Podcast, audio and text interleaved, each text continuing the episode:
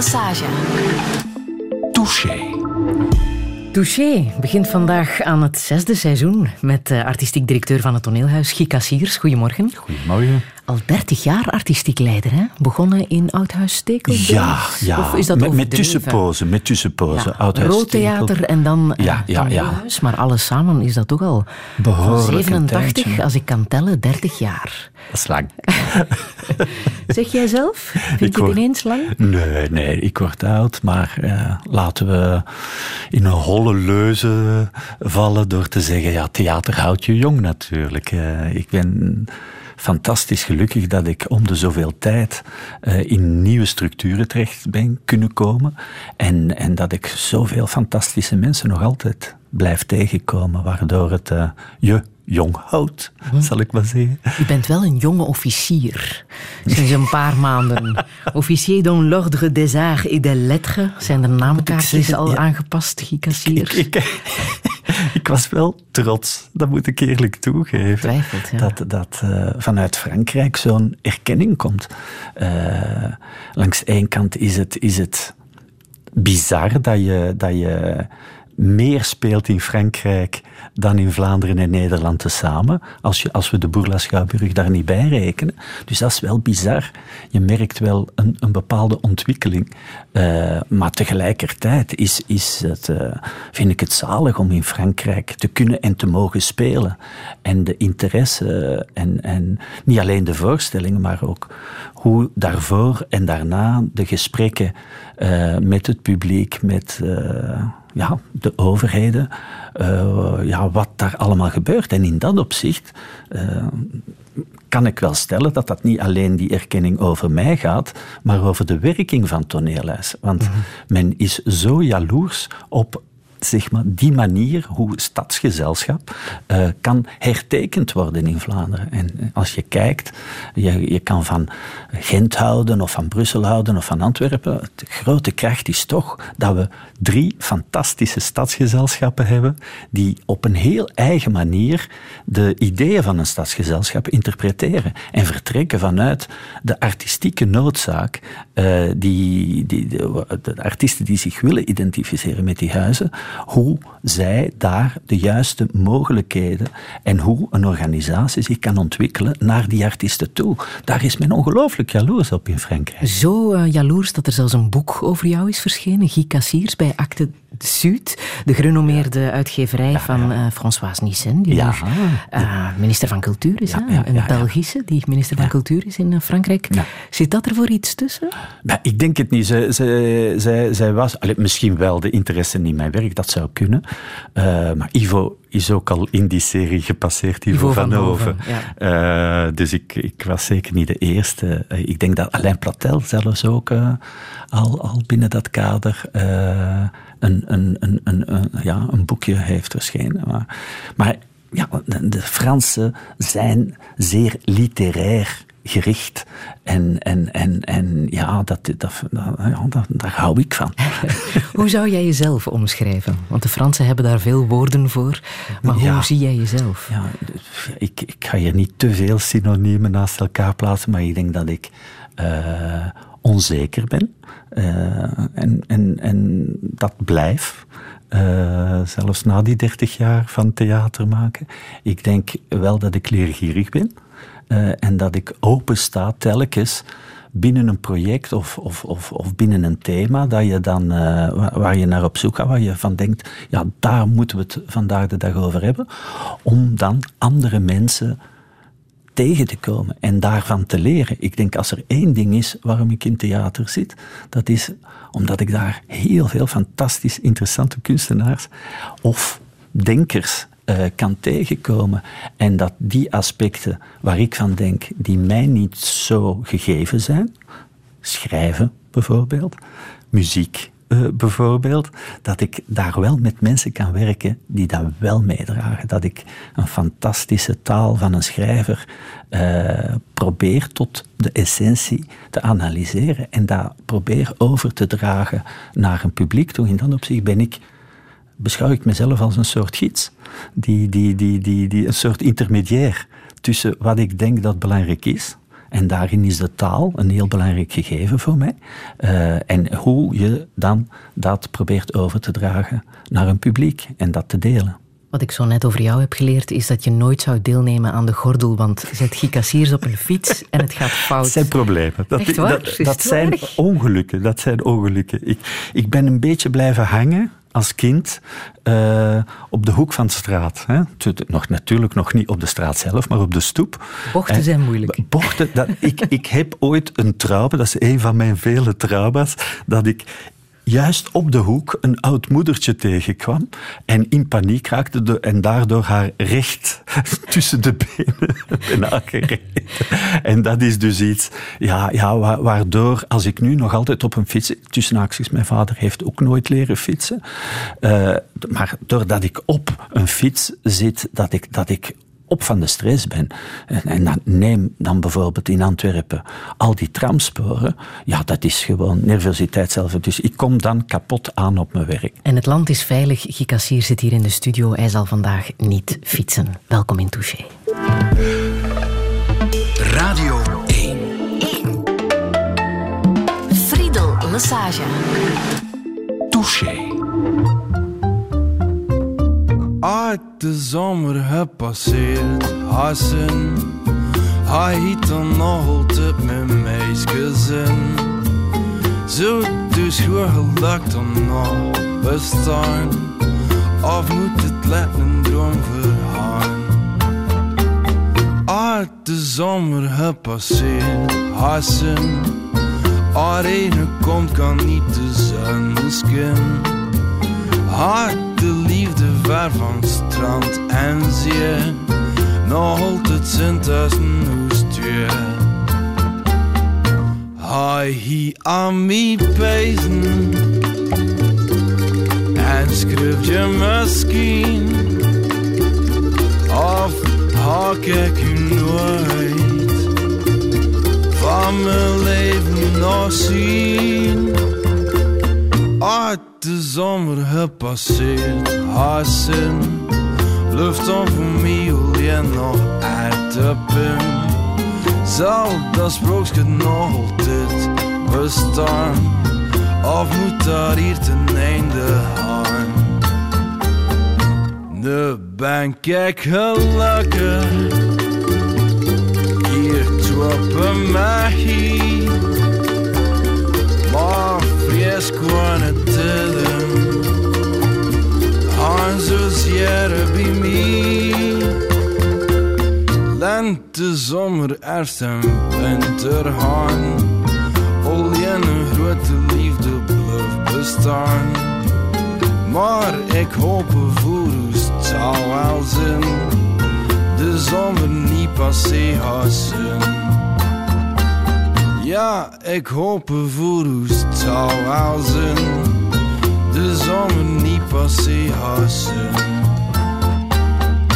Flip Kaulier was dit. Klinkt als Gikassiers? Heb je het nummer herkend? Zou het Wiltura Klinkt als Wiltura als de zomer weer voorbij zal zijn. Ja, je houdt van covers, hè? Ik dacht twee vliegen in één klap. Ja, eh, dat is nu niet zo dat ik daar eh, alleen maar op gefocust ben, maar het is, men zegt meestal het origineel is altijd het beste en voor mij, zeker in muziek, is dat niet altijd waar. En covers doet mij ook op een of andere manier denken aan theater. Maar ik weet niet of dat dan nu de moment is om het daarover te hebben. Niets nieuws natuurlijk. Alles is al eens uh, gemaakt, gedaan. Ja, ja, ja. en, en uh, theater is ook een vertalen van. Mhm. Uh, iets wat buiten de podiumkunst uh, gegenereerd is. Maar hoe is jouw zomer geweest, Gikassier?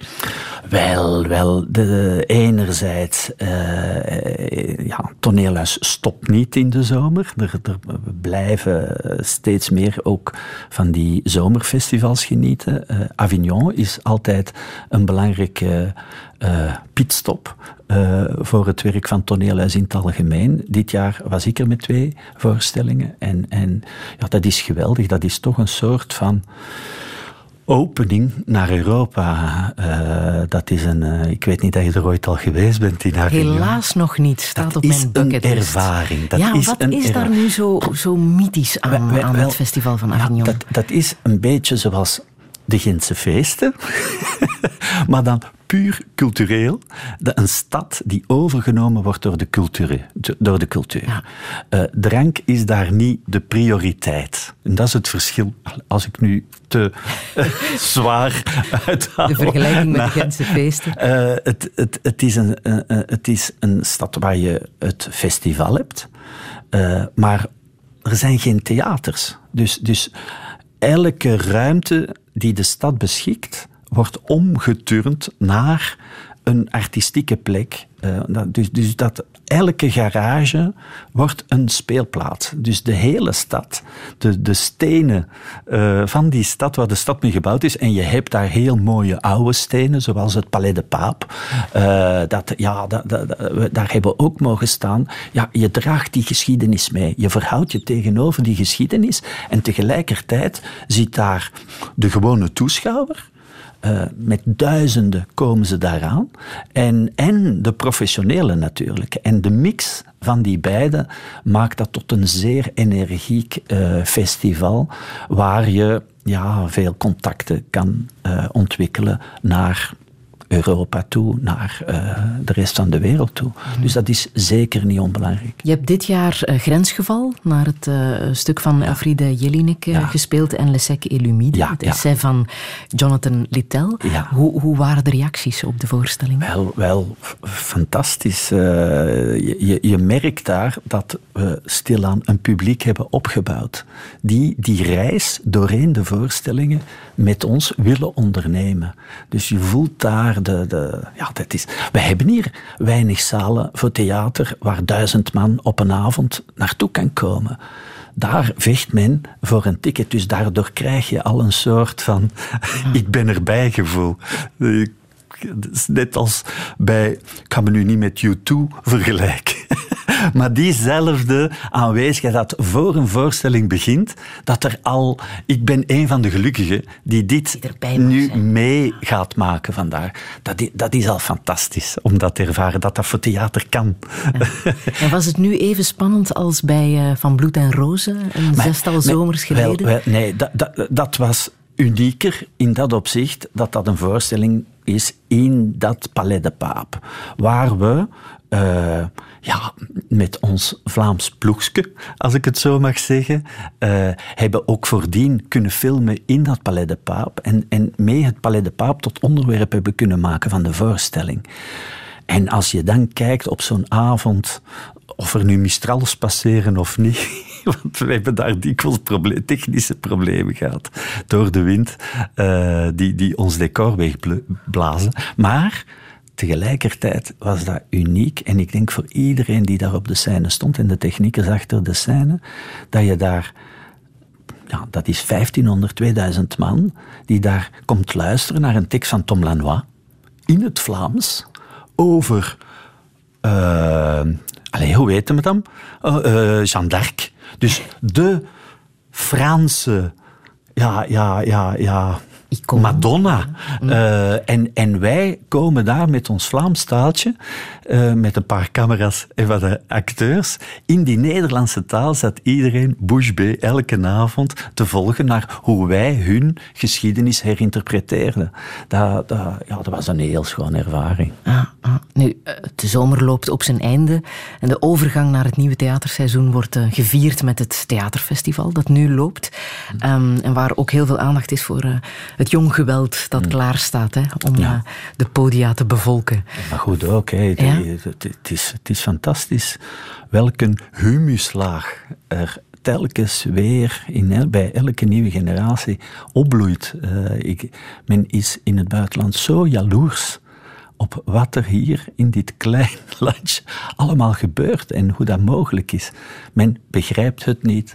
Ik denk één, ik heb daar ook zelf geen verklaringen voor, maar ik denk één van de mogelijke redenen waarom het hier, de, de podiumkunsten, uh, zo bloeit, is misschien ook wel dat wij ja, chameleons zijn. Met name hier in Vlaanderen.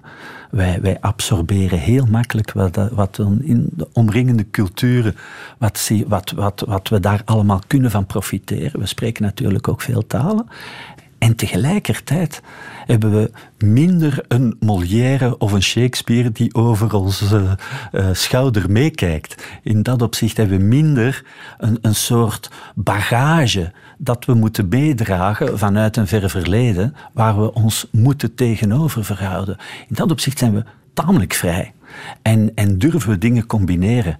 Uh, en ik denk, ja, over een stijl in Vlaanderen kan je niet spreken. Mm -hmm. maar, maar wel over heel veel inventiviteit. Dat denk ik zeker. Maar bij de openingsavond was er toch de State of the Youth, waar uh, Anne Breuren, een Nederlandse theatermaakster, toch even aan de alarmbel heeft getrokken hè, met uh, de besparingen. En, en terecht, het... terecht mm -hmm. denk ik. ik uh... Het voorstel die, dat zij deed, ze krijgen nog een derde van het geld dat ze zouden nodig hebben om degelijk te werken, is ze werken nog 100 dagen. Die ja. 265 waar ze geen centen voor hebben, dan gaan de deuren dicht. Ja. Wat vind je van dat idee? Maar ik, ik denk dat dat een, een zeer uh, courageus idee is. Uh, ik denk dat uh, alleen al ook de stellingname die zij heeft, dat doet ook hopelijk de politiek een belletje rinkelen. Want het is zo dat in Vlaanderen iedereen en, en, en dat is, denk ik, dat zit in de genen van de kunstenaars, dat we willen blijven doen uh, wat we deden. Dat we, dat we het niet voor minder willen doen. Nu, doorheen de afgelopen jaren, dus zeker geen aanval naar de minister nu, maar doorheen de, de, de tien, twintigtal jaren is, is het, denk ik, zijn de middelen er per kunstenaar niet op vooruit gegaan. In totaal zullen we er misschien niet op zijn achteruit gegaan, maar er is veel meer ontstaan. Er is veel meer gegroeid. De, de podiumkunsten boomen. En in de economie, normaal gezien, als iets goed gaat, dan ga je dat ook steunen en stimuleren. Ik denk dat in, in, binnen de cultuur het tegenovergestelde waar is. Iets gaat goed, dus ze zullen het wel met minder ook wel kunnen. Uh, en, en, en, en dat maakt dat elke organisatie, nu in Vlaanderen, is het klein of is het groot, met eh, onder een heel grote druk staat. Want, want kan je je voorstellen dat zo'n Boerla Schouwburg in Antwerpen maar de helft uh, van de dagen open zou zijn? Dat, dat, dat is een ramp. Iedereen moet dagelijks kunnen profiteren om, om in dat prachtige gebouw een voorstelling te kunnen meemaken. Maar steeds meer, wij zijn er op tien jaar tijd anderhalf miljoen subsidie op achteruit gegaan, terwijl dat we bij, uh, voor de helft meer voorstellingen spelen en maken. We, voor de helft publiek uh, extra hebben gegenereerd. Dat is natuurlijk voor een organisatie op lange termijn een houdbare kaart. En ik kan niet zeggen nu dat ik het grote slachtoffer ben, maar het, het geldt voor de kleinste organisatie tot de grootste, dat er een ongelooflijke druk op heel het uh, systeem staat.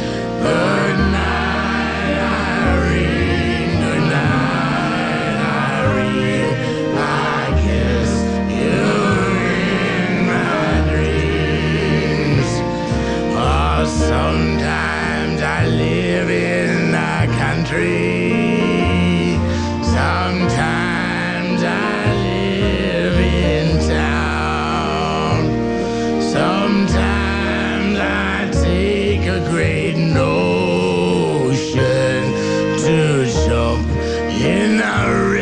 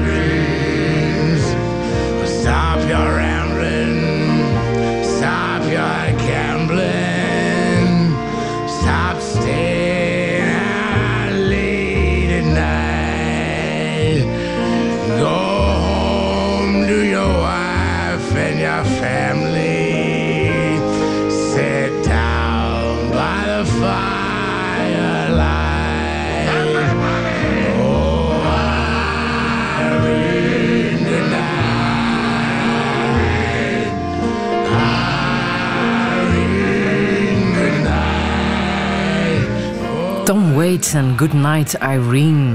Cassiers, waar zullen we beginnen met Tom Waits? Die je nog live hebt gezien. Ja, dat, dat was eh, in mijn studentenperiode was dat een van mijn grote namen waar ik naar opkeek. En, en zelfs in Antwerpen kwam hij toen nog als vrij onbekend zanger met een lantaarnpaal. Ah ja, die hij meebracht. Die hij meebracht uit Amerika. En een stuk auto waar hij dan ook kon op liggen. Dus het Wow. was al vrij theatraal. Hij eh, had toen al misschien ook filmambities. Het was, kwam heel filmisch over. Maar het Dat beruchte zijn- concert in de Boerla van een ja, aantal jaren daar was ik jammer genoeg niet bij. Nee. Toen, toen zat ik in Rotterdam nog eh, te werken.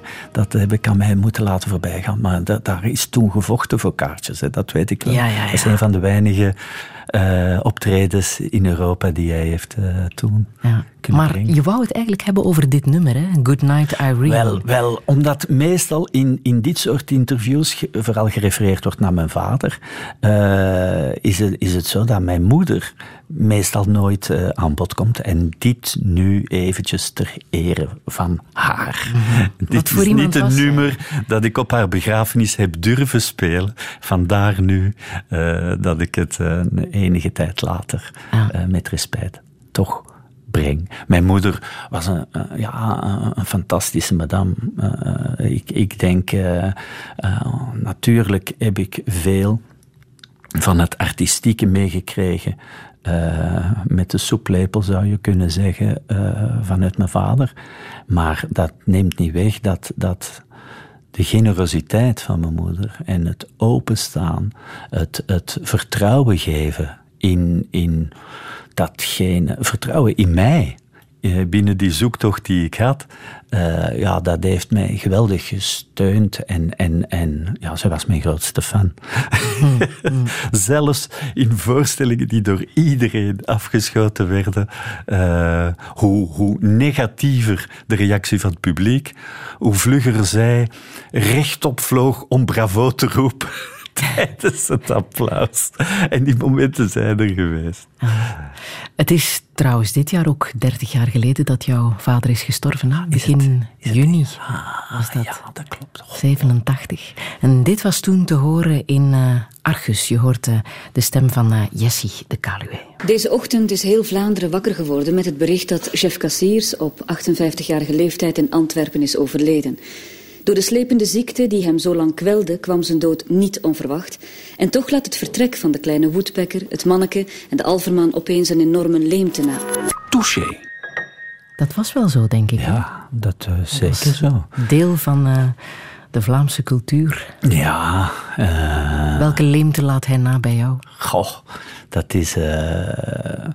ik, ik probeer vooral de goede herinneringen mee te nemen. Ik probeer vooral datgene over te houden van, van, van waar ik mij vandaag nog kan op beroepen. En, en dat is heel veel. Uh, natuurlijk is hij vrij jong gestorven, omdat hij dubbel geleefd heeft. Dus in dat opzicht denk ik, uh, uh, heeft hij echt wel alles gepakt wat er te vinden was in een mensenleven. Maar vooral zijn energie en zijn drive om, om, om met mensen, dat, dat, is iets waar ik van denk, ja, dat ik ook doorgetrokken heb. Uh, hij, hij, had altijd de behoefte om, om, om samen met een groep mensen uh, een, een traject te willen afleggen. Was dat nu door op de scène te staan, was dat als regisseur voor televisie of wat dan ook, door, of door tekenfilms te maken. Alles wat nieuw was, uh, dat, dat, dat fascineerde hem. Mhm. Uh, maar heb je hem bewust meegemaakt als acteur bij Johan en de Alverman en het Manneke? Wel, daar was ik nog vrij jong. Uh, ik, ik, ik heb dat wel meegemaakt, maar, maar indirect. En ook als bijna... Ik was zo jong dat dat allemaal vanzelfsprekend leek dat iemand uh, zo, zo laat thuiskomt en dat je mee op de set uh, rondloopt en, en dat als je over straat loopt, dat iedereen omkijkt mm-hmm. of begint te lachen. Uh, dat, dat leek normaal te zijn, omdat je niet anders of niet beter weet. gaandeweg begin je wel te beseffen dat je geen normale jeugd hebt meegemaakt.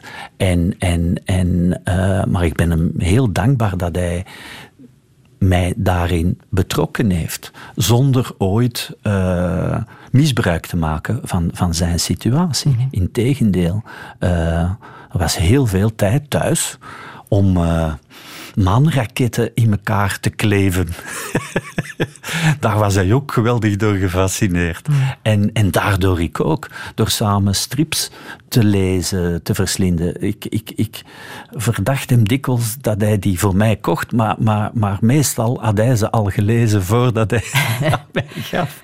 En, en, en zo meer. Nu, maar, het is ook nooit een geheim geweest dat hij een alcoholverslaving ja, had. Ja, voilà, voilà, dat, uh, daar kon je niet naast kijken. En dat, mm -hmm. uh, dat, dat geeft wel druk op een gezin natuurlijk. Hoe was dat voor jou? Mijn moeder.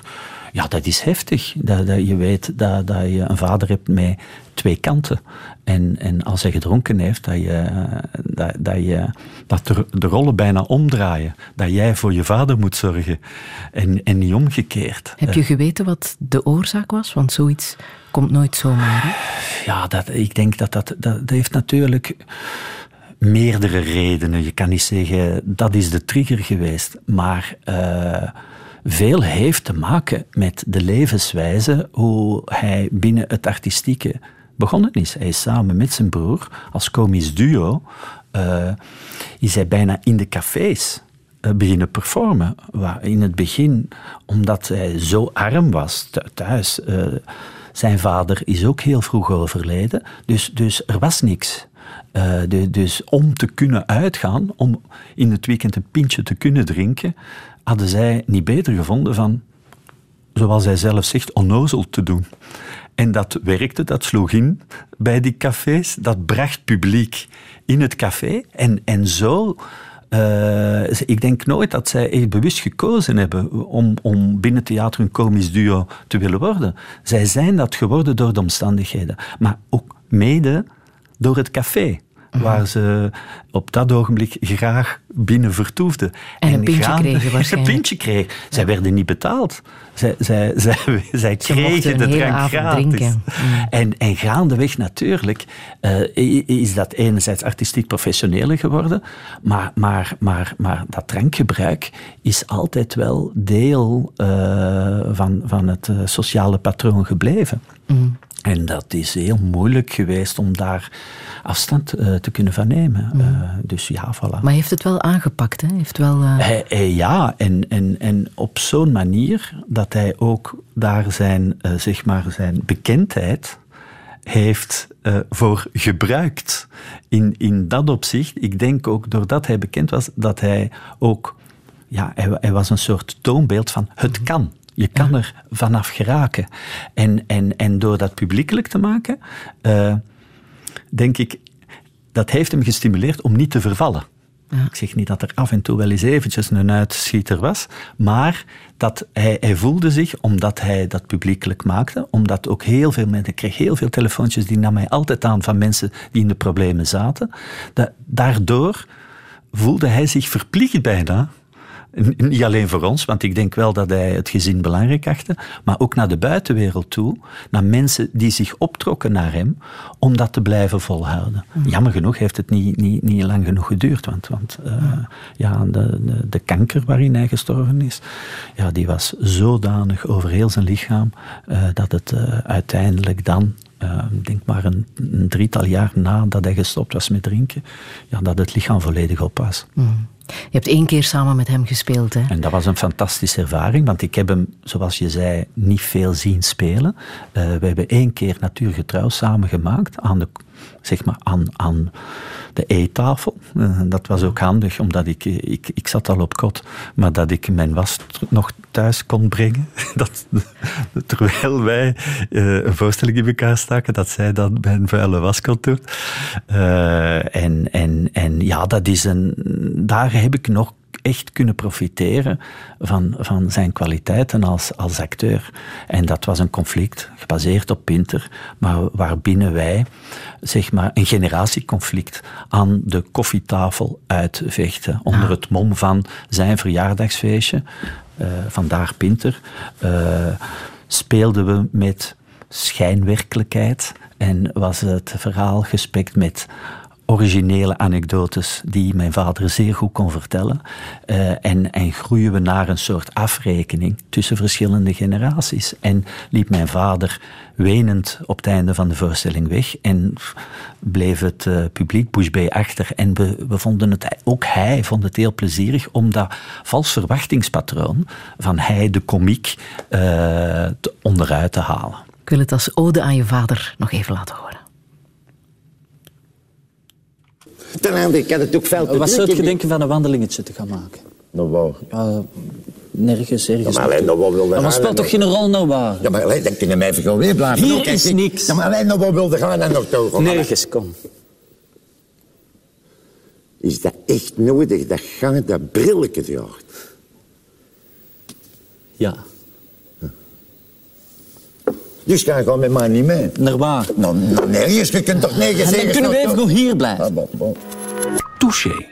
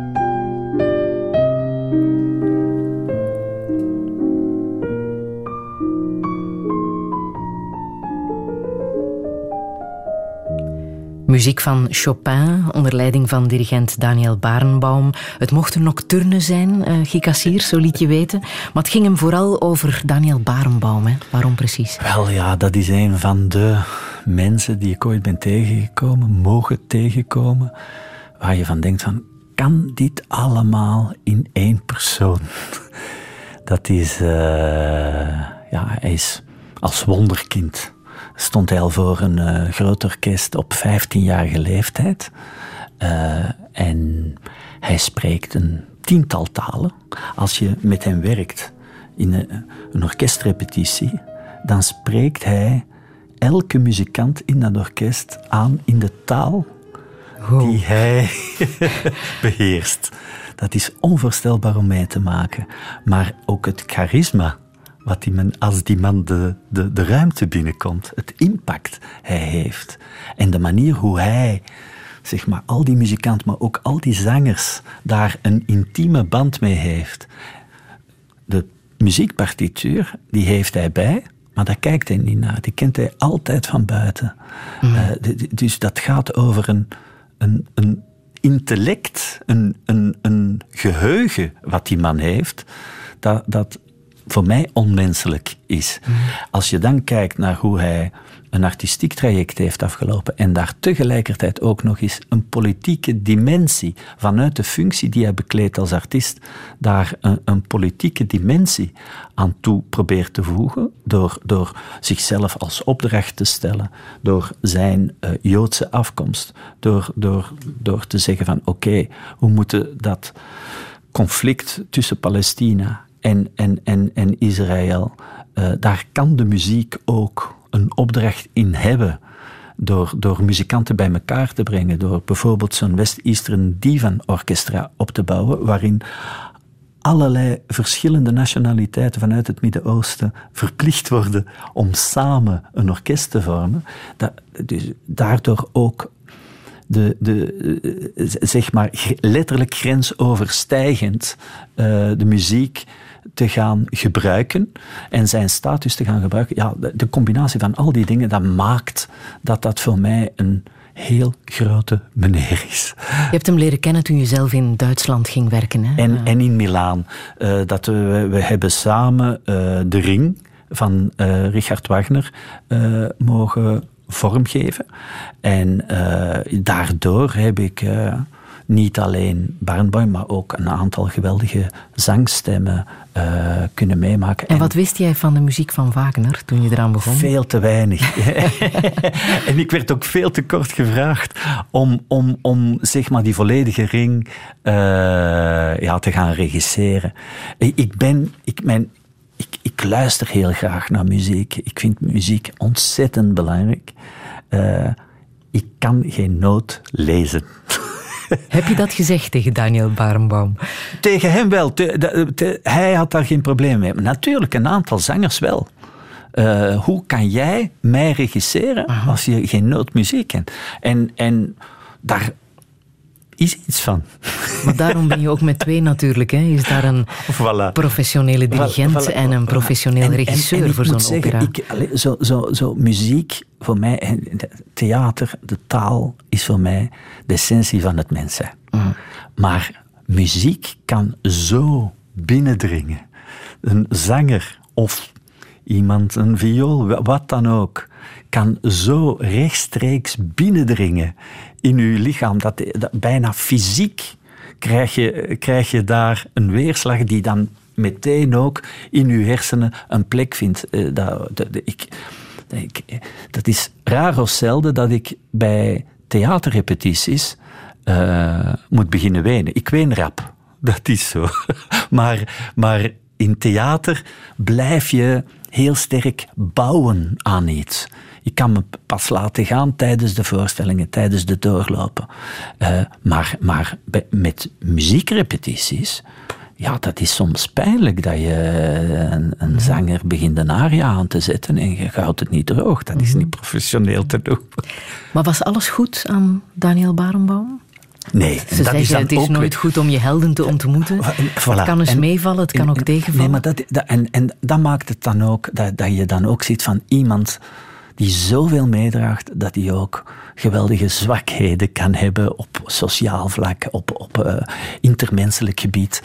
Zag, heb ik ook dingen gezien waar je van denkt van, dit kan echt niet. Hij, hij, hij kan mensen maken, maar hij kan ook mensen breken. En, en, en in dat opzicht...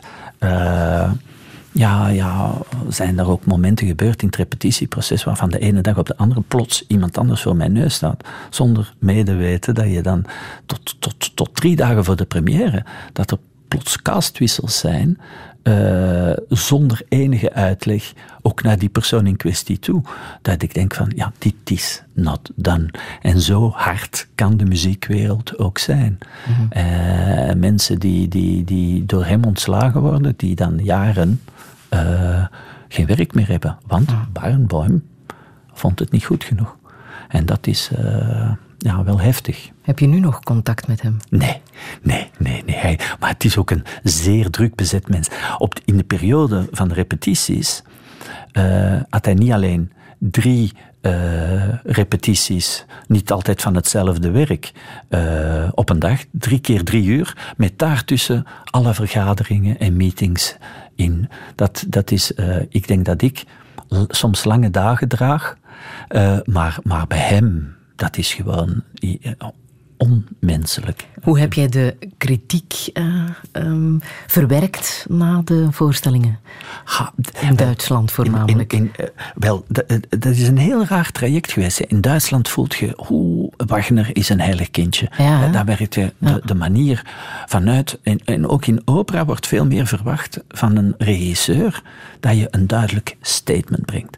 Dat is mijn visie op dat werk dat is niet mijn manier van werken. Ik probeer vooral binnen mijn werk, is dat nu opera of is dat theater, probeer ik vooral mogelijkheden aan te reiken.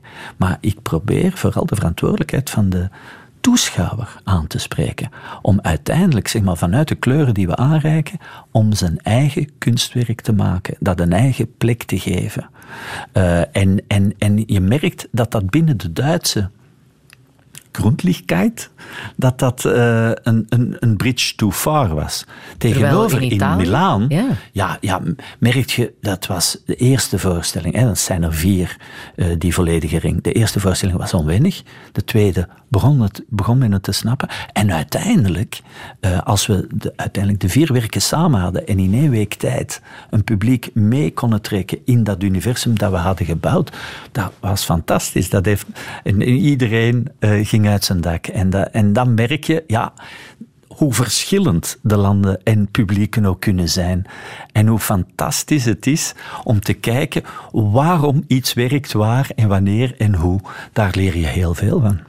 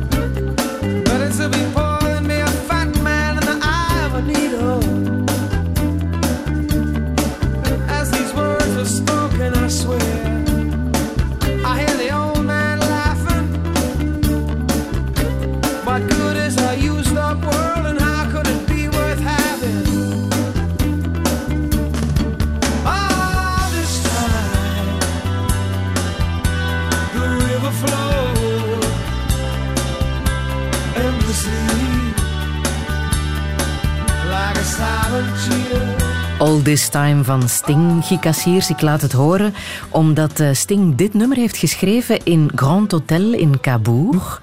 En dat Ben kan je wel plaatsen, hè? Ja, ben ik ook ja. nog geweest? Ja, ja, ja. ja. Ik, ik heb ooit een, eh, een, een prijs gewonnen van de stad Amsterdam, waar een geldbedrag eh, bij betrokken was. En dat was met name vanwege mijn proestcyclus die ik gemaakt had. Eh, en toen heb ik gezegd, oké, met de harde kern van de mensen die die vier voorstellingen samen met mij gemaakt hebben, gaan we naar Frankrijk. Naar Le Grand Hotel, waar Proest uh, kind aan huis was. Ja, ja, hij had daar zijn kamer. Mhm. Heb je daar geslapen? Nee, nee, nee, nee, dat kan je ook niet slapen. Die is echt als een soort museum, behouden. Uh, ik weet niet of alles werkelijk uh, historisch zijn bed was of zijn schrijftafel. Uh, maar zo wordt het alleszins gepresenteerd. En Ah. ja, dat was een soort retraite. We zijn ook naar zijn graf geweest in Père Lachaise. Als een soort eerbetoon aan het traject waar we toen in Rotterdam uh, was ik toen werkzaam, waar we toch een viertal jaar ja. rond à la recherche du temps perdu. En hoe lang heb jij gelezen aan uh, à la recherche ja, dat du is, temps dat perdu? is natuurlijk... Ik, ik moet eerlijk toegeven dat ik hem niet volledig in het Frans gelezen heb. Het is ook ontzettend moeilijk Frans. Mhm. Mm -hmm. Mijn Frans is niet zo goed, zoals meerdere mensen weten. Uh, dus, dus ik heb het vooral in het Nederlands gelezen, met dan telkens dat belangrijke passages, uh, dat je dan naar het Frans toe... Want het is zoveel mooier in het Frans. Ik, allee, er zijn mensen die fantastische vertalingen kunnen maken. En ook in het Nederlands blijft het heel mooi. Maar als je kijkt, die, die, die, die melodie uh, die in dat Franse zit, dat, dat is, dat is ongelooflijk. Maar, maar, je hebt altijd theater gemaakt met uh, de grote literatuur. Hè? Niet ja, alleen en, met Marcel Proust, maar nee, ook maar Thomas Marcel Mann. Proust was voor mij van, ja? van ontzettend groot belang nog altijd nu, uh, niet dat, het, dat die op mijn uh, nachttafeltje uh, ligt naast het bed, maar, maar het is iemand die. is een soort bijbel in dat opzicht dat je, dat je zegt, ja, dat is iemand die heeft geprobeerd een, zeg maar, heel de wereld in één werk te vatten. door, door vooral zijn zintuigen letterlijk en figuurlijk open te stellen en door te kijken van hoe probeer ik al die informatie die op mij afkomt in één werk een plek te geven. Dus een soort verzameling, een soort bibliotheek van zijn leven vind je in dat werk. Maar daarbinnen uh, ja, laat, is hij totaal onvormgevoelig. Dus hij heeft zich totaal niet gehouden aan de codes van hoe een roman hoort geconstrueerd te worden. Dus in dat opzicht uh, ons, voel je daar zoveel vrijheid uh, die hij zichzelf heeft gepermitteerd in een vorm te vinden die die inhoud nodig vond. En, en in dat opzicht probeert hij zeg maar, zijn geschiedenis, letterlijk het verleden, via dit zintuigelijke... Hè, je hebt het Madeleinekoekje, wat symbool staat voor zijn werk. Dat Madeleinekoekje, doordat hij dat sopt in een bepaald type soort thee, daarvan proeft, komt heel zijn verleden, heel zijn jeugd terug. En, en dat soort uh, ja, ja, verleden dat je, wat je meedraagt, maar waar je niet altijd de weg terug toe vindt, dat beschrijft hij op zo'n fantastische manier. Niet alleen maar om te gaan in dat verleden blijven hangen. Integendeel, door juist te zeggen van wat mogen we niet verliezen om te kijken naar wat belangrijk is voor morgen. En dat is in essentie voor mij ook wat theater is. Dat en zoals is... jij gefascineerd bent door literatuur, ben je ook wel een grote fan van architectuur, hè? Ja, er zijn... Er zijn uh, als, als je het hebt over, over kunstwerken die, die, die, die, die mij eeuwig bijblijven, dan, dan is dikwijls architectuur raar genoeg... Uh, ja, een heel belangrijk iets. Zoals welke plekken moeten we absoluut uh, gaan wel, bekijken? Goh, uh, Zumthor is een, is een Zwitsers architect. Er is een kuuroord dat hij gemaakt heeft. Uh, Wals, daar moet je naartoe. Daar ben ik, daar heb ik Miles Davis. Uh, echt? echt? Echt, de combinatie van Miles Davis met zijn architectuur, zijn kuuroord, dat, dat, dat, dat, dat, dat, dat moet je meemaken in je leven. Tadeo Ando, de Japanse uh, architect, ja, die heeft op een eilandje, Naoshima, heeft hij een ongelooflijk... Op basis van een kunstcollectie heeft hij een museum gebouwd. Maar in een berg. En, en, en daar, daar, daar, zijn een paar Monets, daar is een Terrel.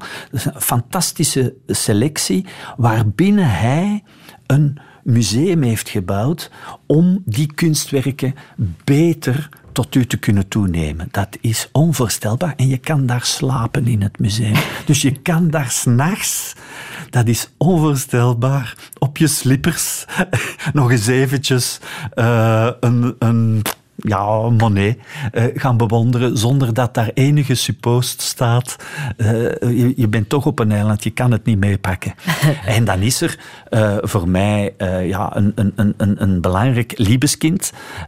In, in het Joods Museum in, in Berlijn heb ik ooit mogen bewonderen, nog voor zeg maar, de, de installatie, het, het werk over de Joodse geschiedenis eh, eh, geïnstalleerd was. Dus dat was de ruwbouw van, van, van dat gebouw. Daarbinnen heb ik heel de geschiedenis van de Joodse gemeenschap in Europa meegemaakt aan de hand van een leeg gebouw.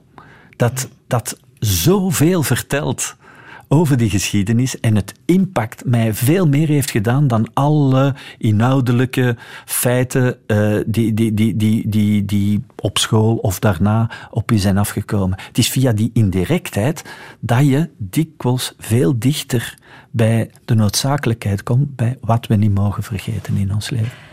Ehm, je hoeft niet altijd eh, architect te zijn om fantastische bouwwerken te zetten. Hè? Facteur Cheval Voilà. kan ook zijn paleis Voilà. bouwen. Hè? Dat is, dat is voor mij, ik, ik, ik, ik heb die leren kennen, ook in mijn studentenperiode. Maar wat is er symbolischer dan een facteur, een Franse facteur, die nooit uit zijn dorp, want het was een dorp, is gekomen, maar die aan de hand van de postkaarten die hij bij de mensen in de brievenbus stak, dat hij eh, zichzelf een beeld genereerde van hoe de wereld er zou kunnen uitzien. En dus in zijn lege postzak een aantal steentjes uit mee naar huis nam om, om heel zijn leven zichzelf de opdracht te geven om zijn palais-ideaal eh, te bouwen. En, en, en ja, dat is, dat is van een simplisme en tegelijkertijd grensoverstijgend tot en met. Dat is iemand die de wereld heeft herschapen, maar vanuit de postkaartjes die hij in de brievenbussen stak van de Ik ben het even gaan opzoeken. De deuren zijn op dit moment gesloten. Je kan het Oh. niet bezoeken omdat ze een film aan het draaien zijn over Ferdinand Cheval. Serieus? Daar moeten we dan wel naar Ah ja, uitkijken. daar moeten we zeker naartoe. Guy Cassiers, we praten zo meteen verder.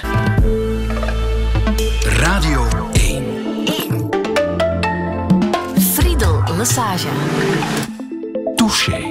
De eerste touché van het zesde seizoen met de artistiek directeur van het toneelhuis in Antwerpen, Guy Cassiers.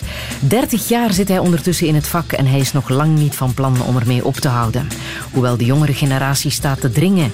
Niet alleen op het theaterfestival dat nu loopt, maar ook in het nieuwe bijhuis van het toneelhuis, waar jong talent een eigen platform krijgt.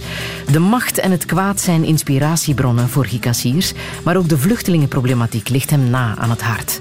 Hoe moet het verder met Europa? Hoe moet het verder met het theater?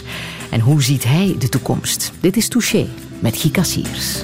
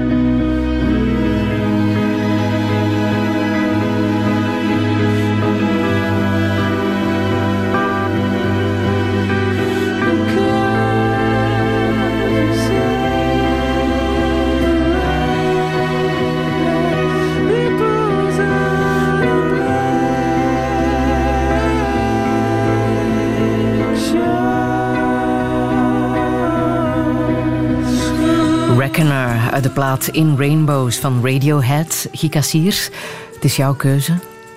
Ja, het is, eh, ik wou nu niet alleen eh, oude rotten eh, aan bod laten komen. Bij hen heb ik de indruk dat ze zichzelf met elke cd die ze uitbrengen, zichzelf aan het vernieuwen zijn. En, en, en tegelijkertijd merk je ook een heel schone reis door de jaren heen die je, ja, waar ik mij heel erg thuis bij voel. Mhm, Wanneer zet je dit soort muziek op? S'avonds. Ja? ja, s'avonds. s'avonds. Dat is, dit is geen eh, automuziek natuurlijk. Dit, dit is iets waar ik heel graag s'avonds, voordat je gaat slapen, dat, is, eh, dat geeft mij rust. Ah. Eh, mooie muziek, eh, een lekker drankje en ja, soms een, een warm bad. Ja? Dat zijn de zaken die mij geweldig tot rust kunnen brengen. Als ik dat misschien eventjes een, een, een- hint kan Ja? geven van, van wat dat echt zeer goed werkt, dat is neem een warm bad, zet schone muziek op en laat dan, eh, doe de stop eruit en laat dat warm water rustig weglopen. Waardoor je zo heel schoon dat, dat lijntje van je lichaam naar beneden, alle vuiligheid wordt weggezogen in dat klein putje en jij ligt daar terug. En, en je moet je terug verfrissen. Als Eh, herboren. afdrogen. Ah, herboren komt je eruit. en dan is bijvoorbeeld Radiohead een geweldige stimulator om dat momentje uniek te maken. Dit soort momenten hebben we nodig hè, voor onszelf. Zeker als we zien en horen wat er in de wereld gebeurt. Laten we daar even naar kijken. Het nieuws dat eh, afgelopen zomer tot bij ons is gekomen. Ja, het meest confronterende nieuws kwam eh, uit Jemen. Dat al twee jaar lang verwikkeld is in een eh, gruwelijke oorlog. Met chaos, hongersnood en ziektes tot gevolg. Gigantische humanitaire ramp, eh, zoveel is duidelijk. En eh, dit is een van de berichten die tot bij ons kwam afgelopen zomer. Een mensensmokkelaar heeft voor de kust van Jemen 120 mensen overboord gezet op de Ruwe Zee. Ruim 50 mensen zijn verdronken of worden vermist. De gemiddelde leeftijd van de slachtoffers wordt geschat op 16 jaar. Ze kwamen uit Somalië en Ethiopië en hoopten op een beter leven. Maar de mensensmokkelaar vreesde controles bij de kust van Jemen en dwong hen daarom om in zee te springen. Touché. Uiteraard slaan mensen op de vlucht, op zoek naar een beter leven. Die vluchtelingenproblematiek houdt jou ook heel erg bezig. Ja, en niet alleen ik, maar ook een aantal andere mensen in het toneelhuis. En vandaar dat we een jaar daar, daar een, een zware focus op leggen. Via voorstellingen als Grensgeval, nu ook. Eh, binnen vier weken komen we uit met meneer Lin en zijn kind. eh, wat ook gaat over op een heel andere manier, een heel sensitieve manier, dat er gekeken wordt vanuit de ogen van iemand die hier pas aankomt. Eh, wat, mij stoort, voor zover dat ik dat mag zeggen, aan, aan de media en de politiek op dit ogenblik, is, is. Ik heb de indruk dat als we het dan hebben over onze verantwoordelijkheid binnen deze situatie, dat we zijn, we zijn niet meer bezig, denk ik, met grenzen te verdedigen. We zijn bezig met grenzen te construeren. Eh, we zijn bezig met ons te verschansen. Ik denk dat nog nooit eh, in, in, in de mensenheugnis een muur mensen heeft tegengehouden. Eh, kijk maar, de, de- Chinese muur heeft nooit zijn functie gehad. Ik denk alle forten rond Antwerpen uh, tegen dat de forten allemaal gebouwd waren, was er plots het vliegtuig, waardoor Antwerpen op één dag werd ingenomen. En noem maar op. Ik denk, ik denk dat je meer naar de bron moet kijken van waar het probleem ontstaat. Uh, en en, en ik zet het misschien iets nu te stellig en, en te simplistisch, uh, stel ik het voor. Toch denk ik dat we op een heel andere manier moeten luisteren naar wat er mis is in die landen waar we misschien niet direct een verantwoordelijkheid hebben, maar waar ik van denk, ja, ja binnen de, de, de, de, de ethiek en de, de politieke verantwoordelijkheid die we in Europa dragen, uh, moeten we daar, uh, denk ik, sociaal betrokken bij stil blijven staan. En, en de manier hoe de perceptie nu in de politiek, maar ook in de media gesuggereerd wordt alsof de, er een, een, de, de vluchtelingen zijn ten eerste bijna nog voor ze binnenkomen al illegaal, nog voor ze een aanvraag kunnen indienen. Uh, ten tweede wordt er gesproken van tsunamis die onze wereld uh, gaan overnemen. Eh, de, de, de, manier hoe er uh, inhoudelijk gesproken wordt over die zaken mm -hmm. maakt dat, dat er een soort angstsyndroom gegenereerd wordt, waar, waar ik van denk, ja, staat dat in balans met de reële situatie zoals ze is. Maar van waar komt dat idee dat Europa zich bedreigd voelt door vluchtelingen? Maar het, het is makkelijk om, om het woord bedreiging, want dat, dat is negatief. Dat, dan is er een gevaar van buiten.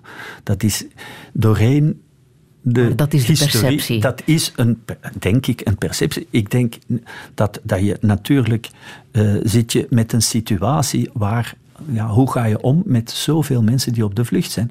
Dat, maar dat is hetzelfde uh, dat, dat ook door Europeanen lange tijden in het verleden. Als je kijkt naar de allereerste geschriften die voor theater zijn geschreven, uh, de Bannelingen dat is, van Aeschylus, dat, dat, dat gaat over mensen in Europa uh, die, die, die moesten vluchten uh, van hun, hun, oorspronkelijke plek. Het is een thema dat jaar en dag oud is, zo oud is als de mensheid.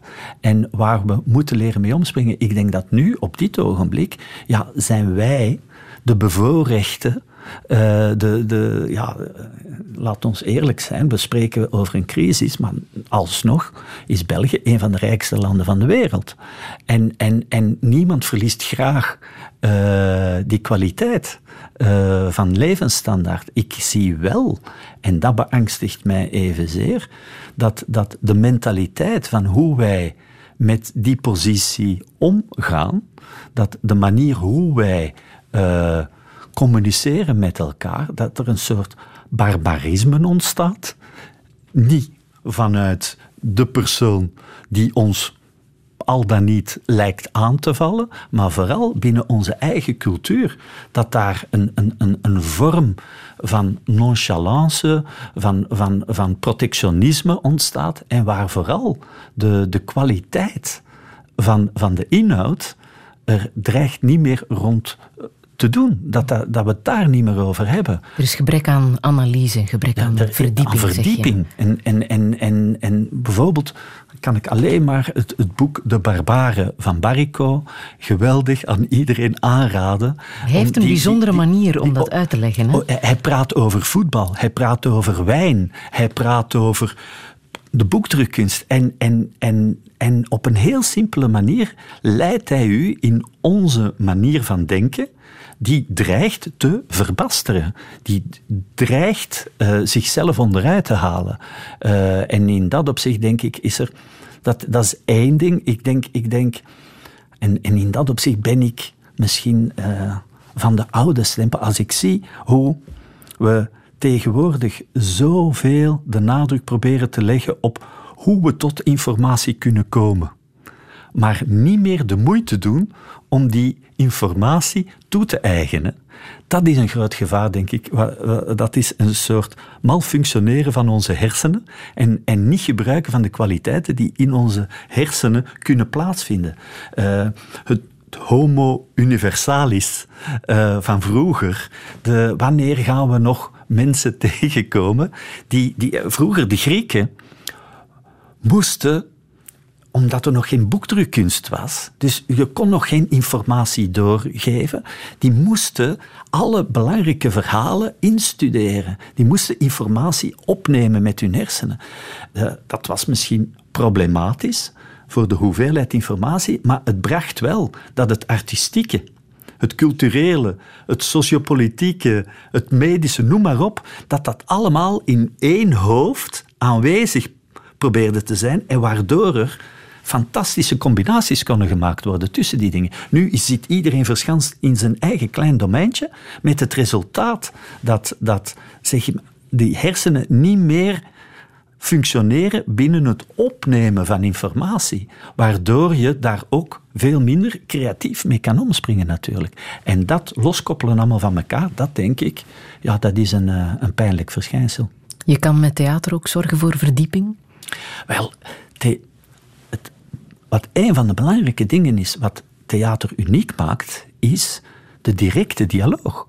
Dat is hetgene waar in een dagdagelijks leven dat we steeds minder van profiteren. Ik ben zo blij met een gesprek als dit, waarin je ten eerste de tijd neemt en ten tweede het live aspect uh, voelt. Als ik mij hier nu verspreek, dat is een probleem voor, voor, voor, voor de radio.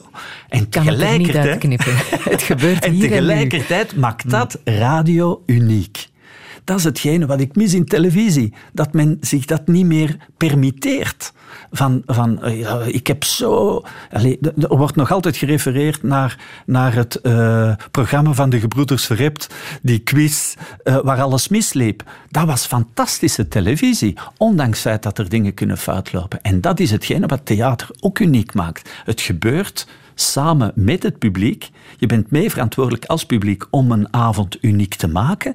En die directe dialoog maakt dat je twee uur tijd neemt van uw publiek. Dat is uniek. Zij komen naar u toe om een deel van hun leven aan u te geven en daar een intensivering van het hier en nu van te maken. Dat, is, dat wordt steeds unieker en laten we daar vooral van profiteren.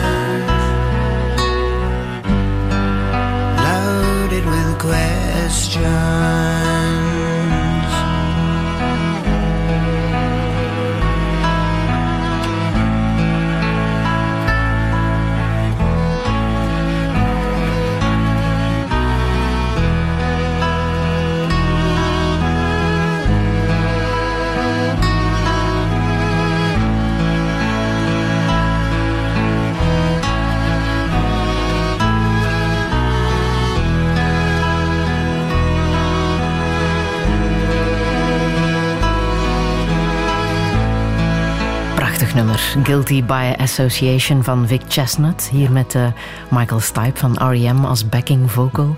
Je hebt Vic Chestnut nog uh, ja, live gezien. Ik, ik, heb een aantal fantastische mensen, waaronder Vic Chestnut. Maar Kevin Coyne is ook een van mijn uh, favorieten uit het verre verleden. Nog in de Beurschouwburg in Brussel.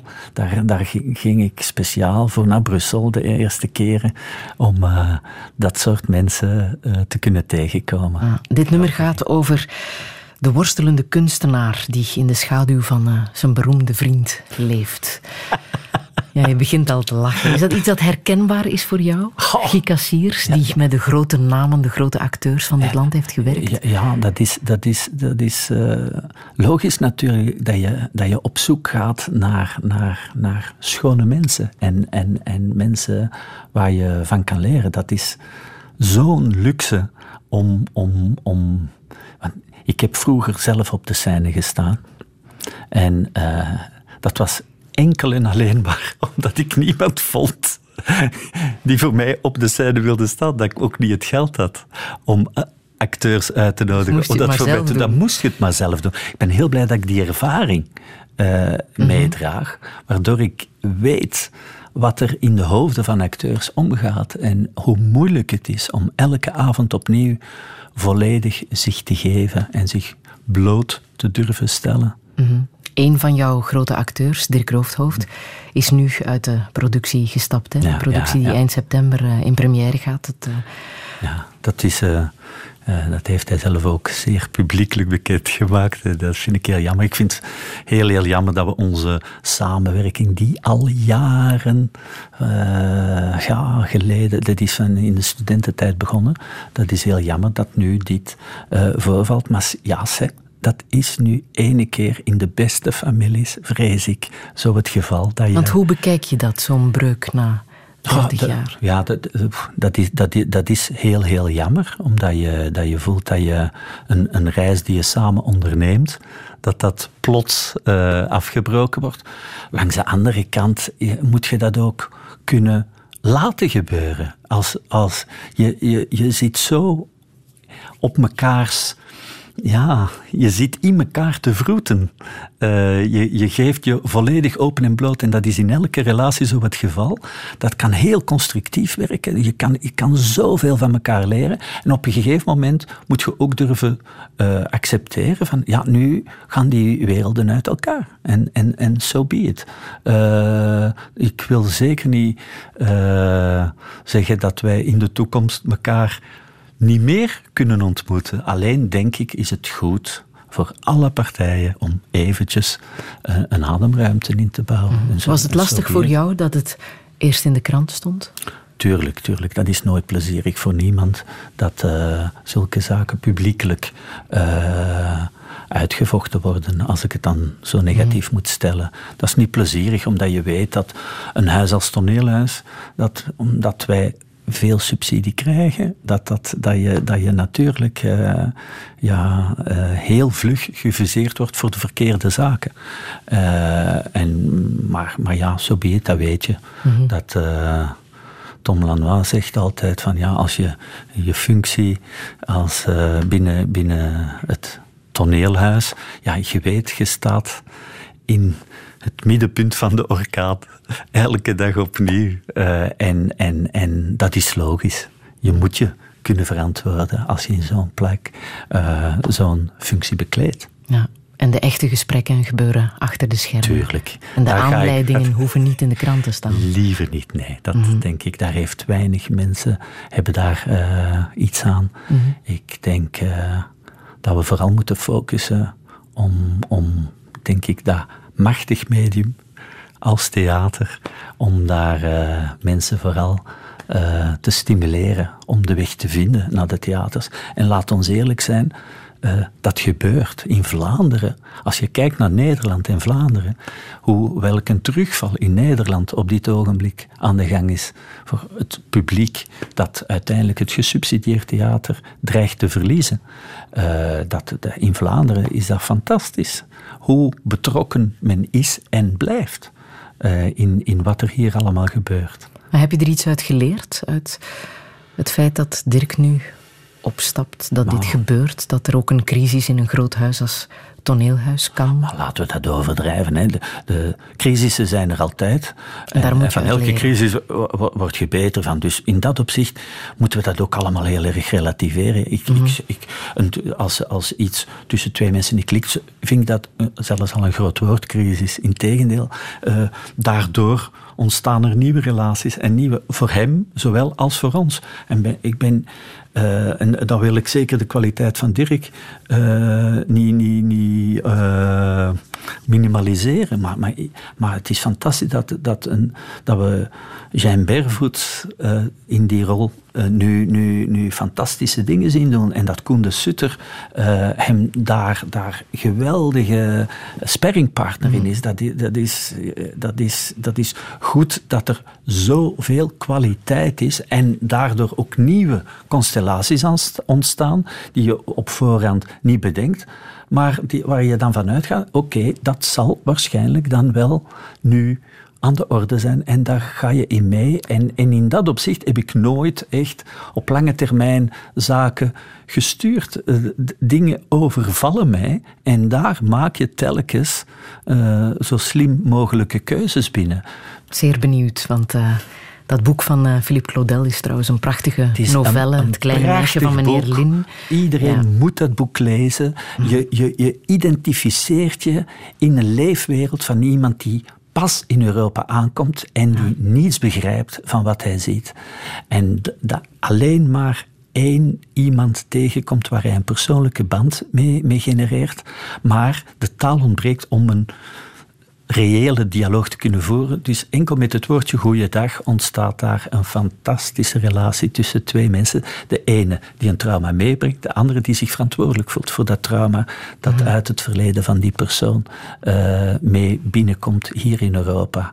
Een zeer gevoelige, eh, intieme eh, relatie. Een eh, kleine poëtische parabel, hoop ik dat het wordt.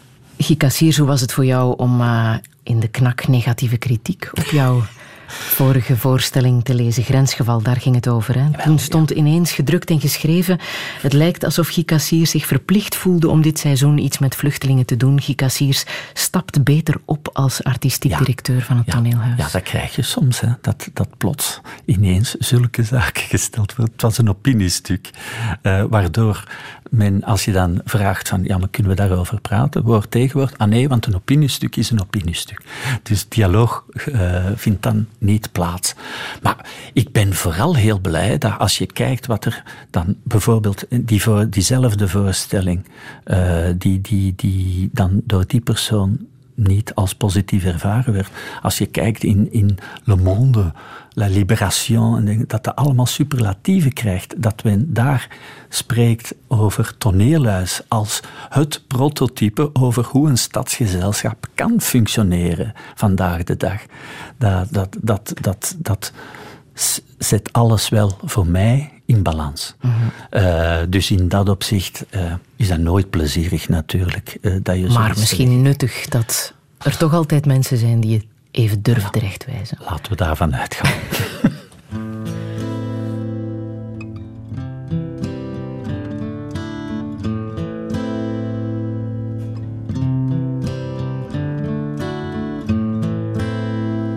I hurt myself today to see if I still feel.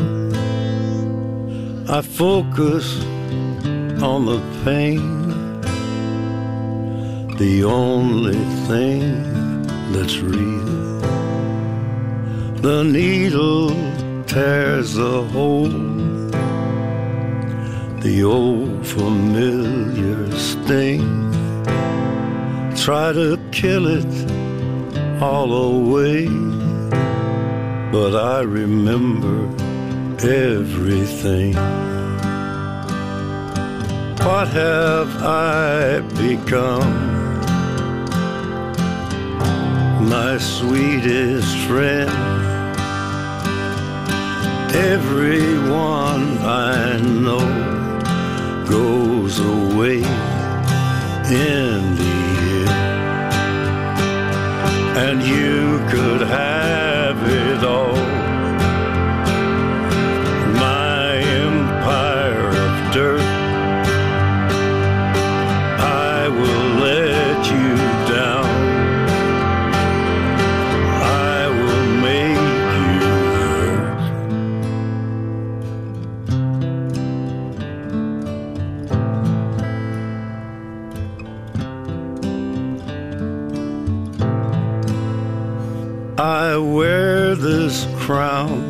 of thorns upon my liar's chair,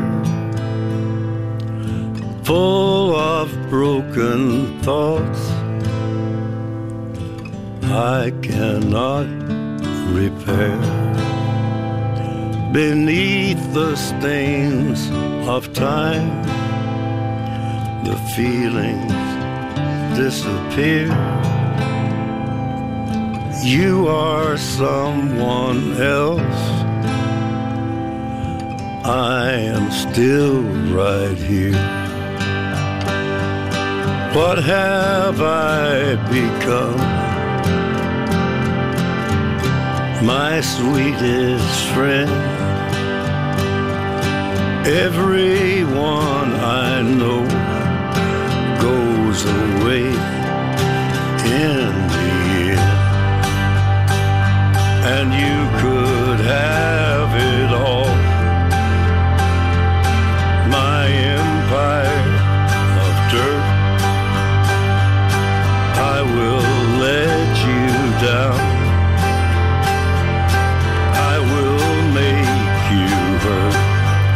Johnny Cash met eh, Hurt. Het is een cover hè, uit eh, 2003 van eh, Nine Inch Nails, Gikassiers. Je moet wel een beetje consequent blijven natuurlijk als je muziek kiest. Ehm, Ja, wat, bewonder je zo, wat bewonder je zo in eh, ah, ah, een aantal Cash? covers waar, waar voor mij de cover minstens even interessant is als het origineel. Mhm. Ehm, vooral omdat ik denk, ja, eh, theater doet net hetzelfde. Wij, wij, wij, wij, wij nemen een origineel. Wij, ehm, is dat nu een Shakespeare, een roman, een film, wat dan ook. En, en we kijken, ja, hoe kunnen we daar vandaag de dag eh, de essentie in herontdekken. Met nieuwe middelen, met andere instrumenten. Eh, En is het hier ook de figuur van Johnny Cash die jou nou, intrigeert? dat, is, dat is natuurlijk een. een ik, ik heb iets met Amerika. Niet met het Amerika, de, de, de, alleen, niet met de president van dit ogenblik. Maar, maar eh, sinds, ik ben, op mijn twintigste heb ik zes weken met de centjes die ik bijeengespaard had, eh, ben ik naar New York getrokken. En dat was eh, begin jaren tachtig. En dat, dat was een fantastische periode, dat New York van toen. Dat heeft mij een ongelooflijke... Ik kwam doodmoe thuis, maar de adrenaline van, van wat daar allemaal gebeurde, ondanks het feit dat er niks was, dat, dat, was geweldig. En, en ja, dat Americana element is bij mij blijven hangen. Ik ben dan ook getrouwd met een eh, fantastische dame die eh, in Brooklyn is grootgebracht. En, en, en die eh, nu ja, de moeite heeft genomen om de, de stap naar Europa te zetten. Daardoor ja, is Amerika ja, voor mij bijna ja, dagdagelijkse kost. Ja. Maar de trouwring heb je niet meer? Nee, de, de, de verlovingsring. Verlovingsring, De, tr- want ja, de trouw- de trouwring wel. Ja, ja, ja, to- toen was, had ik nogal wat met Batman. En, ja. en- ja, iedereen heeft zo zijn eigen zwakheden. En Ik identificeerde mij graag met. Niet zozeer die nieuwe films, maar, maar de oude strips en de, Ah, ja, ja. Het, het feuilleton, waar ook Bam en eh, dat, waar men tegen de muren kon oplopen. Met Want je bent eigenlijk graficus, hè? ja, ja, ja, ja, ja, dat heb ik gestudeerd. ja. Maar ja, voilà. Dus, dus, dus eh, ik had een, eh, een, een ring gekregen van haar. Een Batmanring. Een Batmanring. Dus daar was ik ontzettend Nu, is die dus moeten kapot gesneden worden? Doordat ik ooit, dat is misschien, ik zal het proberen zo kort mogelijk te vertellen, doordat ik ooit ook weer een fiets eh, van een, eh, een, een, een vriendin die ik op het treinstation tegenkwam, wilde helpen. Zij moest nog een ticketje kopen. We gingen allebei naar eh, richting Nederland. En ik zei, ik, ik neem die fiets wel mee naar boven. Hè. Het, het Centraal Station in Antwerpen is met een lift. Allee, dus met de, hoe zeg je, de roltrap. Ja. Maar Guy en een fiets, dat heeft nooit gemarcheerd. nee. Dus, dus ik had ook geen verstand van hoe je met een fiets een roltrap op moest. Dus ik zat, stond te dicht bij het stuur, met het resultaat, als die roltrap naar boven, dat ik ben beginnen draaien en totteren en totteren en totteren. Uiteindelijk, die fiets is boven geraakt, maar ik bleef vastgekneld ergens in het midden, tot mensen bij daar hebben uitgeduwd. Uiteindelijk, om een kort verhaal, nee, een lang, verhaal, kort, te maken, eh, hebben ze mij afgevoerd. Dat was de dag dat ik mij moest eh, presenteren aan het bestuur in Rotterdam voor mijn nieuwe functie. Ik heb dus eh, op de, intens, de intensieve is wat groot woord, maar, maar dus bij de spoed, ja. moest ik, heb ik moeten bellen van het zal niet voor vandaag zijn. En mijn eh, vinger was dus compleet gebroken. Dus ze hebben die, die ring dan moeten kapot snijden. Dus hoe symbolisch kan het zijn? Eh, ik heb die, die ring dan wel blijven koesteren. En, en uiteindelijk, een paar maanden geleden, is er een inbraak ge- gepleegd in ons huis. Dus eh, mag ik hier misschien gebruik maken van de dief die, die ook die ring heeft meegenomen? Van alsjeblieft in een envelopje, steek het in de bus. We zullen voor de rest niet kwaad zijn of wat dan ook. Maar breng die ring terug. Oeh. Ja, voilà. Ja. Dus eh, een heel Amai. symbolisch verhaal. Terwijl ik eigenlijk naar de vraag wou, Oei. wat betekent de liefde voor jou? Oh. Ja, dat is, ja dat, is, dat is niks belangrijker, denk ik, dan, dan dat. Eh, ik, eh, mijn echtgenote, ik denk, wij zijn nu... Hoe lang? Eh, meer dan 25 jaar samen. Edrin is haar naam. Edrin Altenhout. En ja, dat was niet evident voor haar om, om in, als je iemand pril kent, om die stap te zetten. Het is ook na- naar een de plek. kunst en de literatuur en Peter Handke die jullie hebben samengebracht. Ja, ah, we- weet je dat? Sommige details weet ik, ja. Wel ja, wij, wij hebben elkaar leren kennen in een school in Arnhem, een dansschool, terwijl ik natuurlijk van dans helemaal niet zoveel weet. Eh, daar hebben we elkaar leren kennen. En Peter Handke eh, is, is eh, ja, heel belangrijk voor mij. En zij kende Peter Handke, vroeg, "Goh, wilt je wat dingen voorlezen? Want zij filmden ook heel veel. En, en het is mede Peter Handke die, die ons bij elkaar heeft gebracht. En, Er is eh, een tekst van Peter Handke die jij al jaren in je portefeuille meedraagt, Dat onder je zo. rijbewijs. Dat- onder mijn rijbewijs. Je hebt het er met net even een- een- uitgeprutst. Een, een, een lucky one dollar bill. Echt waar? Zo bijgelovig ben jij. Dat, is, dat zit er dan een keer in en dan denk je van, ik haal het er voorlopig nog eventjes niet uit.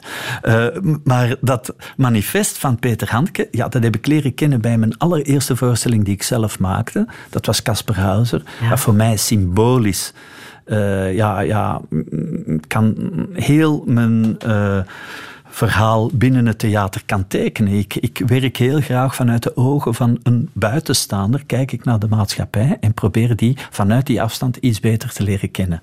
Dit manifest is een, eh, een, een, ja, een, manifest dat, waarin hij een aantal dingen zegt en tegelijkertijd ook zichzelf durft onderuit te halen. Dus in dat opzicht moet je dat met een hele grote dosis ironie eh, Wil je er een paar dingen uithalen? een paar, ja, het zijn in totaal eh, 29 punten die hij heeft. Ik zal er een paar eh, naar voren brengen. Eén, iedere verklaring weigeren. Twee, niet met een waarheid voor de dag komen. Drie, liegen of het gedrukt staat. Vier, de dingen op zijn kop zetten. Vijf, niet de werkelijkheid tot taal laten worden, maar de taal tot werkelijkheid. Zes, niet over taal spreken. Enzovoort. Hij gaat niet over alle dag schrijven, niet over de eeuwigheid schrijven, de dingen in het onzekere laten.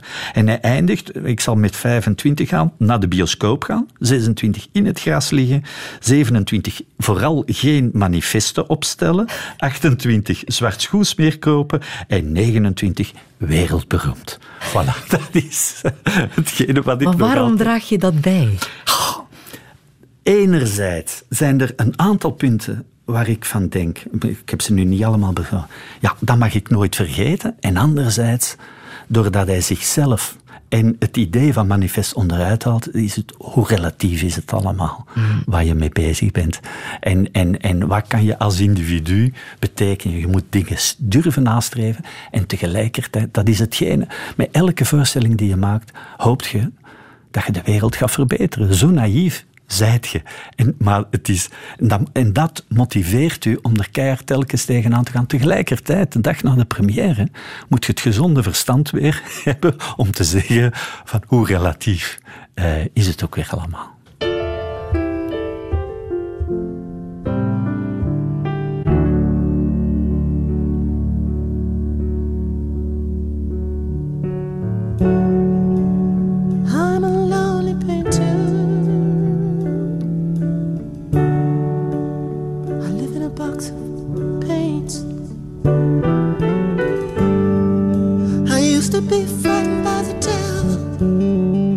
Drawn to those ones that weren't afraid. Remember, you told me love was touching souls. Sure, you touch mine. Part of you pours out of me from time to time. These lines.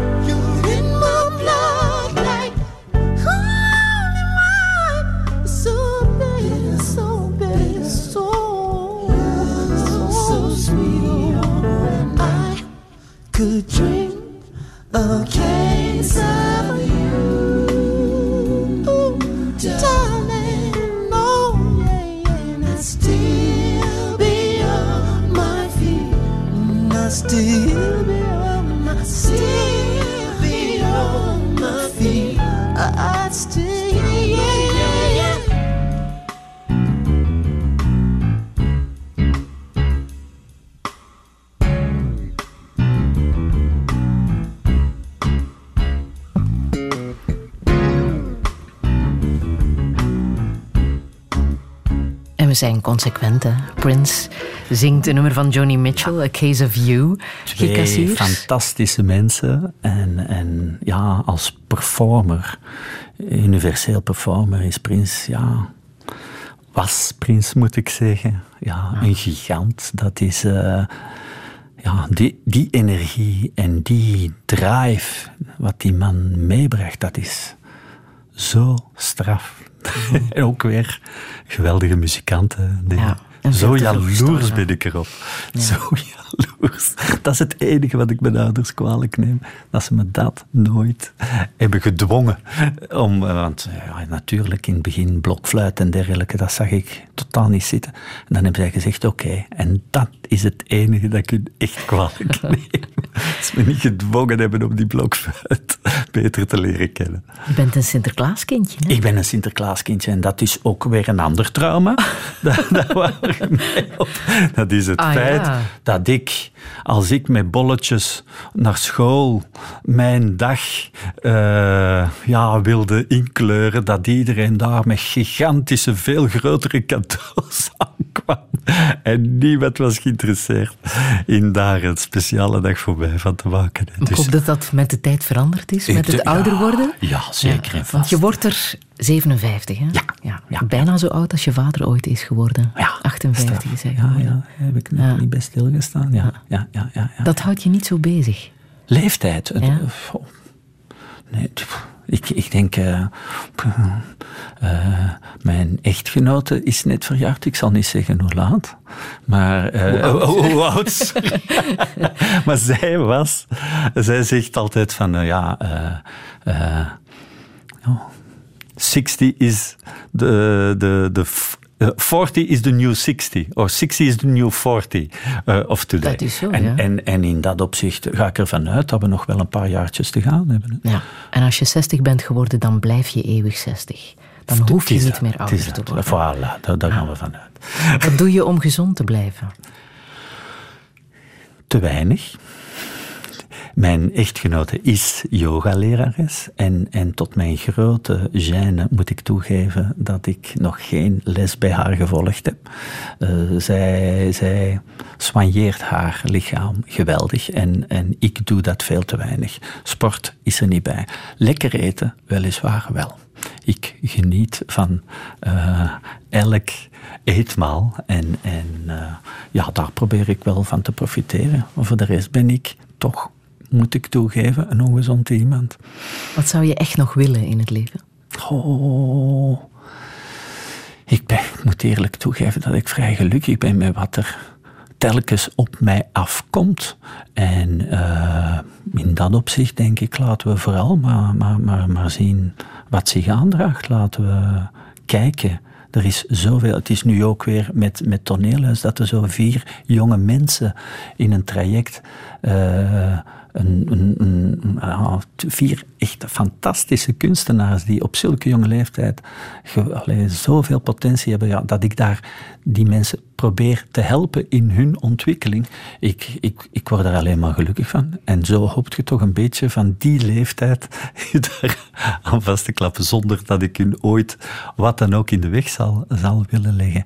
Dat, dat is voor mij meer dan voldoende. Ik heb niet veel meer nodig. Eh, Maar komt er nog een volgende stap na het toneelhuis? Want daar zit je nu ondertussen ook meer dan tien jaar. Tien, tien jaar, ja. Eh, eh, je, je moet, als je in zo'n plek zit, moet je elke, voor er een, een, eh, je een plan maakt voor de volgende vier jaar, moet je telkens heel kritisch, en dat gaat niet alleen over mij, maar dat gaat over iedereen die daar zit, ook de artiesten, die centraal staan in die, in, in, in, in die organisatie. Want ik ben maar een van de vele kunstenaars binnen het toneelhuis. Ik draag een algemene verantwoordelijkheid, maar, maar als kunstenaar ben ik daar een van de velen. Moet je kijken naar, naar wat is de relevantie hiervan en, en, en kunnen we daar nog een, een, een volgende vier jaar aan vastknopen of niet? Daar moet je constant heel kritisch zijn naar elkaar. En gelukkig is het systeem van overheden en subsidie daar, daar heel goed in om dat telkens op een juiste manier te bevragen. Dus ik weet niet hoe lang dat ik daar ga zitten. Elke keer ga ik ervan uit dat het mijn laatste keer is. En dat is de meest gezonde manier van, eh, van denk ik, u, uzelf op te stellen. En wat is de toekomst van het uh, Boerlachbouw, waar het toneelhuis in Ja, dat, dat in zijn huist? grootste plannen natuurlijk. Daar is op dit ogenblik uh, heb je een, een, een, een, wordt er een masterplan uh, gemaakt en een beheersplan. Dat samen met de overheden, die eigenaar zijn van, van dat gebouw, wordt er gekeken hoe er een balans gevonden kan worden naar hedendaagse podiumtechnieken, maar natuurlijk vertrekkende vanuit het grote respect van het erfgoed aspect. Want, de Boerla Schouwburg blijft een zeer belangrijk gebouw op vlak van erfgoed. Er zijn nog weinig plekken waar je zo'n dessous hebt. Uh, dus dus je, iedereen weet van de torens. Maar, maar in de Boerla heb je een diepte die nog eens even groot is bijna als, als de toren die er bovenop staat. Dat zijn belangrijke erfgoedelementen die je vooral moet zien. Hoe kan je die blijven soigneren? Dat, dat is niet een uniek, gaat. een uniek gebouw. Ja, ja, ja, en in dat opzicht zijn we ook met mensen van erfgoed in constant overleg. En wordt er binnen een paar maanden, uh, maar dat zal vanuit de stad gebeuren, wordt dat masterplan uh, bekendgemaakt. En uh, ik hoop dat ik uh, daarom niet als artistiek leider, maar in de toekomst, dat ik daar nog iets, een steentje kan hebben toe bijgedragen om zeg maar, de geschiedenis verder door te kunnen zetten. Verhuis je ooit naar Amerika? die kans bestaat natuurlijk altijd. Onze droom is van zes maanden hier, zes maanden daar. Maar het is allemaal niet zo evident natuurlijk om dat financieel uh, mogelijk te maken. Maar als het enigszins kan, denk ik dat ik mijn echtgenote daar heel veel plezier zal mee doen. Ah. Om dat terug een beetje meer in balans te zetten. Welke boodschap wil je hier nog meegeven? Oh boodschap. Ik, ik, ik denk, ja, wat, ik denk, ik denk, eh, Oscar Wilde heeft ooit gezegd dat fictie onze realiteit stuurt. En ik denk dat dat, dat, dat, iets is wat je uh, moet meedragen in je leven. Dat, dat we nog nooit naar, naar de zonnebloemen uh, kunnen kijken zonder Van Gogh in ons achterhoofd te houden. Het is de kunstenaar die ons de realiteit doet zien. En laten we daarom vooral het belang van de kunst in het algemeen uh, niet onderuit halen. Zullen we eindigen met een cover? John Coltrane speelt My Favorite Things uit uh, de musical, hè? The Sound of Music.